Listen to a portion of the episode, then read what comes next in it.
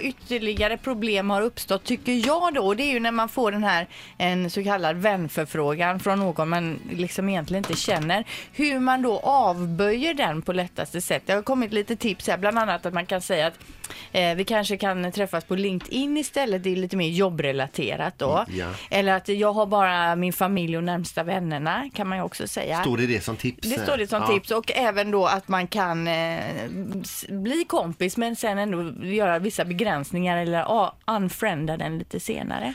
Men den som inte är vän, kan den se hur många andra vänner du har? Ja, det kan den. Kan den jag det? tänker att om man har 1200 vänner är det svårt att säga bara jag bara min familj och mina Nej, närmsta. ja, nej men precis. Eller, Nej men min fråga är också varför man vill bli vän med någon på Facebook som man inte känner. Ja, det är ju kanske lite märkligt, men tänk om det är någon inom företaget, då kanske man känner att man ändå känner varandra. Alltså om man får, för ibland får man ju från folk som är lite diffusa för en, kanske har pratat med någon på någon kioff eller någonting. som, inte, som inte riktigt, det Nej. ringer ingen klocka sen. Nej, men, men, men- och då är det ja, också, jag gör nog så att jag ibland eh, alltså, accepterar och sen, det här är så fegt, men att sen att jag unfriendar efter ett tag. Ja, ja. Jag det? städar lite efter ett tag. Ja, ibland gör jag så. Om det är någon på jobbet. Men om sådär. man accepterar till exempel, så vi är väl en 150 i företaget här. Om man då accepterar någon som man vet vem det är men inte känner, betyder ju också att nästa gång man är på någon kick-off eller träffas, då måste man ju liksom prata med den. Då har man ju lärt känna den. Då vet man hur deras barn ser ut och, och så vidare, vad den gör i livet. Fast jag kan ju tänka mig så här. Jag skulle ju lätt kunna skicka iväg en vänförfrågan till Emil Jönsson på Facebook. Jag har ju aldrig ens träffat honom. Han Och då är fattar han att du gör det för att du Ja, men jag är eh, intresserad gillar av- av honom, skidåkaren Emil. Jönsson. Jo, men det är väl en annan sak om man har en officiell kändissida, om det är det nu han har.